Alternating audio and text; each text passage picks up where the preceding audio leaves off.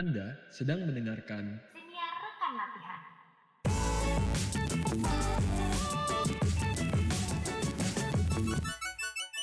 Halo semuanya, selamat datang di Siniarkan Latihan bareng gue Adam dan teman gue Shelly. Hai, senang banget akhirnya bisa punya siniar sendiri. Dan salam kenal ya semuanya.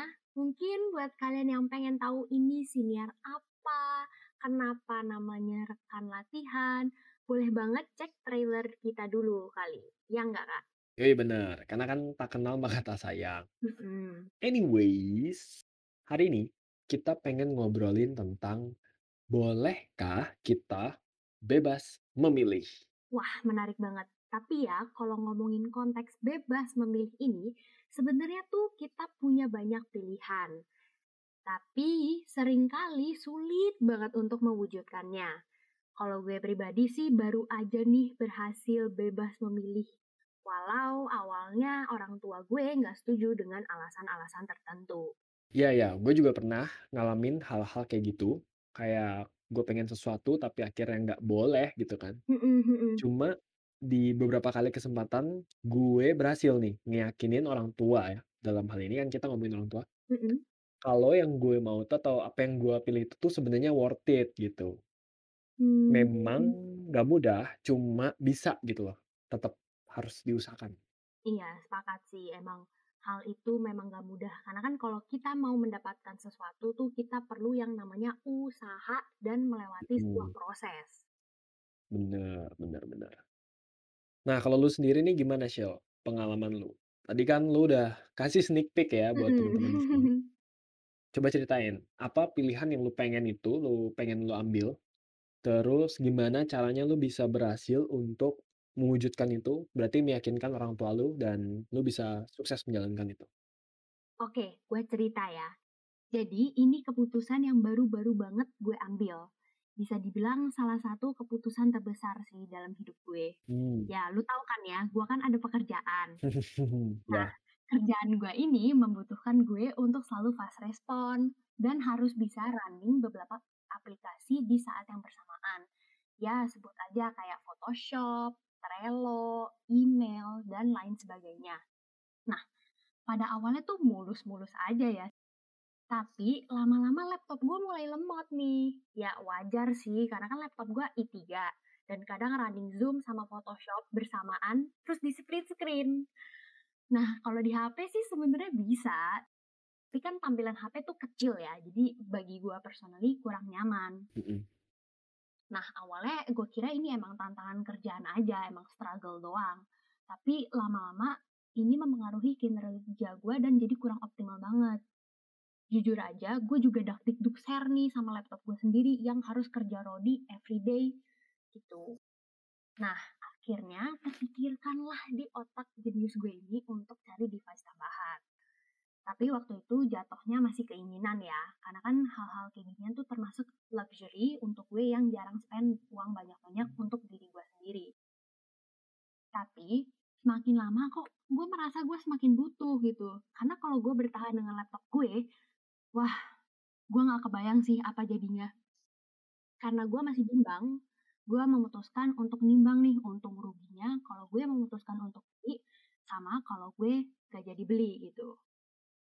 Nah, setelah gue berpikir panjang, for your information, ini gue sampai ke bawah mimpi loh. Mm-mm. Jadi kalau misalnya gue beli, gue kerja jadi lebih enak, jadi lebih maksimal. Tapi ya konsekuensinya gue perlu keluar duit yang cukup banyak. Tapi kalau gue nggak beli, gue nggak akan enjoy kerjaan gue, men. Walaupun dompet gue aman. Oke, akhirnya gue memutuskan untuk beli. Terus gue nyari tablet yang cocok dong. Gue googling, gue ke outlet, nanya-nanya sama mas sama mbaknya. Nah dari situ keputusan gue semakin bulat nih karena gue udah tahu mau beli apa dan apa aja resiko sama keuntungannya. Tapi ada tapinya nih, ada Tetap, tapinya. tenang aja ya, susah ya, ada aja ya. Perjuangan gue rupanya tidak berhenti sampai di sana doang. Karena ini keputusan yang besar kan. Gue tentu perlu ngabarin kedua orang tua gue dulu. Nah, awalnya tuh nge-stuck di lampu merah nih gue, nggak dikasih karena alasan harga. Dan mereka tuh sebenarnya nggak yakin ini kebutuhan atau keinginan, Iya gitu iya. kan. Ya walaupun begitu, gue nggak nyerah sih, karena gue udah tahu nih apa yang gue butuh dan bagaimana tablet ini akan berguna di kehidupan gue. Jadi bukan sekali beli, terus ya udah dianggurin, ya udah dibiarin aja gitu kan. Nah, trik yang gue gunakan adalah gue curi-curi waktu santai, di mana mood semua orang di keluarga gue tuh hari itu lagi baik.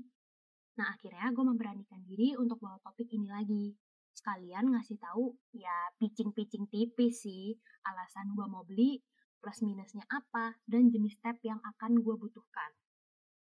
Nah, selama gue pitching itu, gue nggak pernah sebut kata keinginan, tapi gue pakai kata kebutuhan.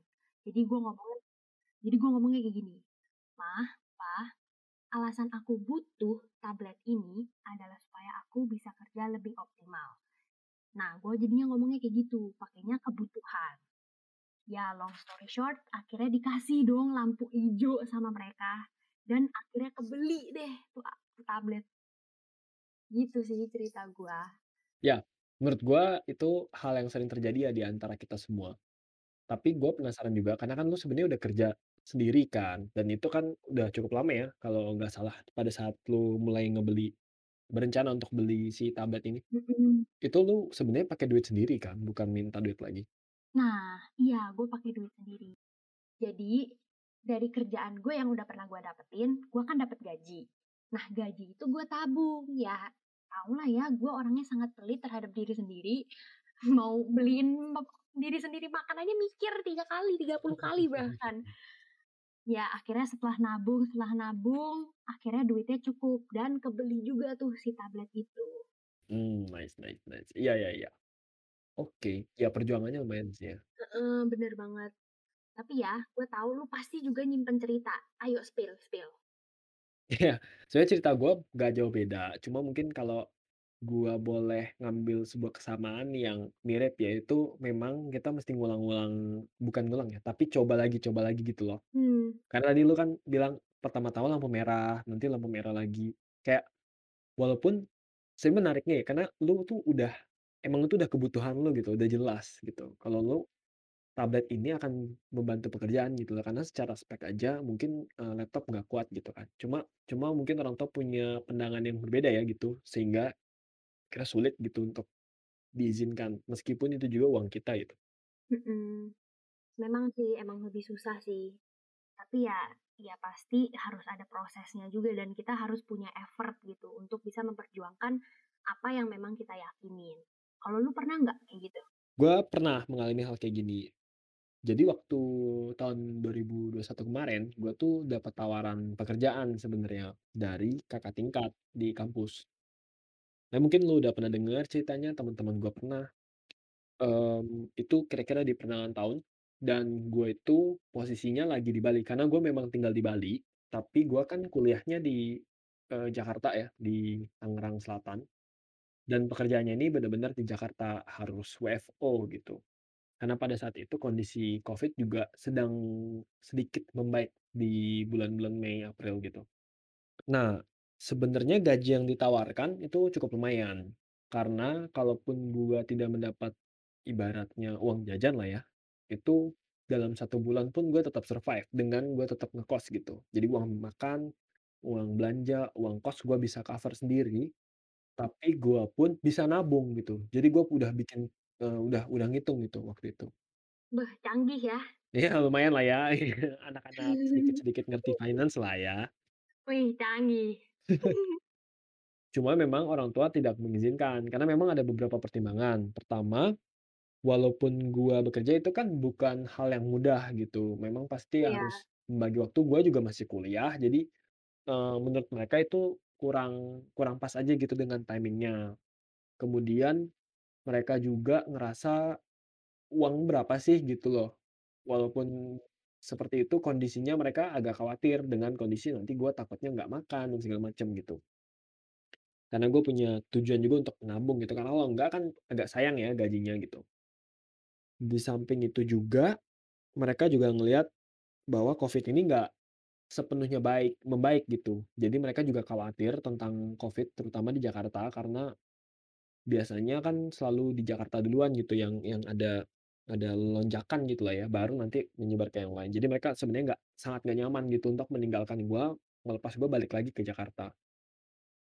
Nah, gua sudah mulai membujuk, udah mulai minta gitu, udah cukup lama sih, ada mungkin berapa minggu ya untuk minta ini. Dan akhirnya itu pertama kali, eee, keputusannya keluar bener-bener gagal gua, bener-bener nggak jadi. Gua juga akhirnya memutuskan udah nggak usah dulu gitu, karena sibuk juga di kampus gitu. Tapi kemudian si cutting boy ini nawarin lagi, "Kalau gitu masuknya agak telat aja kalau memang lu masih agak sibuk," gitu. Nah, gua tertarik banget karena kapan lagi gua dapat kesempatan Mmm, gue juga udah lama banget online di rumah, jadi capek banget gitu sama kuliah online, jadi nggak dapat pengalaman kerja gitu. Dengan ini kan gue dapet pengalaman kerja. Akhirnya gua, karena gua juga udah berapa kali minta orang tua nggak berhasil, gue bikin perhitungan.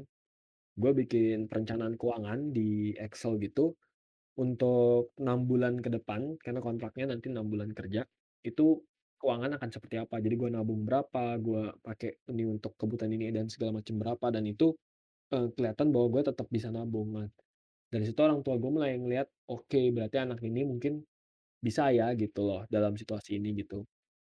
Nah, dan memang ada beberapa kali ributnya juga, tapi again memang harus diomongin. Jadi gue tahu tiap kali gue omongin ini pasti akan ribut, tapi gue mau nggak mau tetap ngejar gitu demi bisa gitu. Sampai kita mungkin sempet ribut juga, tapi akhirnya jujur-jujuran aja kayak, sebenarnya apa sih concern-nya gitu. Jadi kan orang tua tuh sebenarnya khawatir ya sama kita, sebenarnya mereka peduli gitu. Cuma kan memang dan mereka mungkin melihat sesuatu yang kita nggak lihat. Tapi dalam hal ini gue mungkin bisa mengambil jalan tengahnya adalah kita mempertemukan itu gitu. Jadi kita memastikan kebutuhan kita, keinginan kita dalam hal ini kebutuhan juga karena gue pengen butuh pengalaman dan juga, eee, menarik lah ya tawarannya gitu, pengalaman kerja dan kekhawatiran itu bisa ditemukan di tengah. Ya dengan cara kita me meyakinkan mereka, "Enggak, kita nggak bakal kenapa-kenapa gitu, keuangan aman, kesehatan terjamin dan segala macam." Akhirnya diizinkan akhirnya diizinkan meskipun ada berat sedikit, akhirnya diizinkan gua pergi untuk kerja, gitu pengalaman gua. Tapi memang sih bener sih yang lu bilang, sebenarnya orang tua pada dasarnya mereka emang peduli aja. Karena kan ya bagaimanapun juga kita adalah anak mereka dan betul kita adalah tanggung jawab mereka gitu. Jadi mereka menyediakan safety net lah bisa kasarnya. Betul.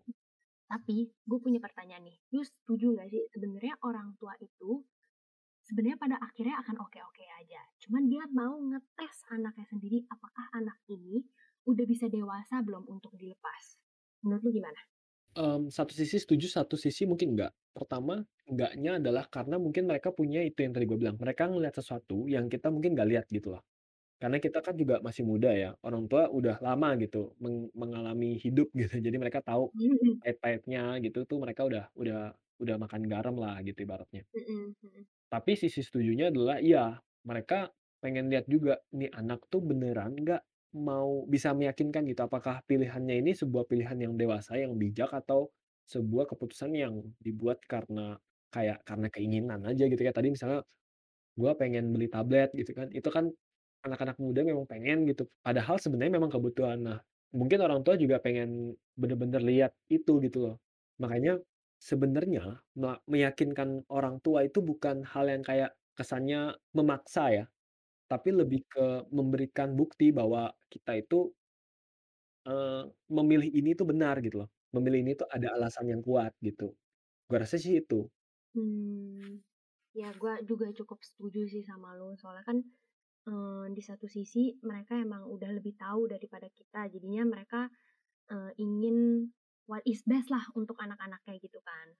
Dan gue juga ngerasa Apakah sebenarnya, apa kerja keras ya atau ketekunan itu sebenarnya ngaruh ya? Ketika kita pertama kali nyoba gagal, terus dicoba lagi, dicoba lagi dicoba lagi gitu. Kalau menurut lu gimana? Hmm, emang harus seperti itu sih. Tapi yang paling penting adalah kita ketika misalnya kita gagal atau kita jatuh, itu kita nggak menyerah gitu.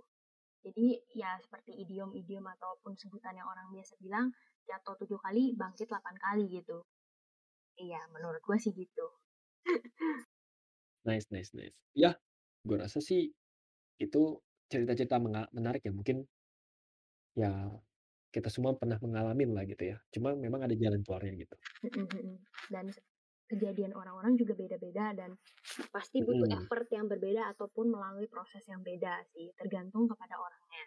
Nah, kalau gue boleh recap nih dari obrolan kita tadi, ini sebenarnya tuh ada beberapa tips dan trik yang bisa kalian ikutin supaya nanti kita bisa bebas memilih.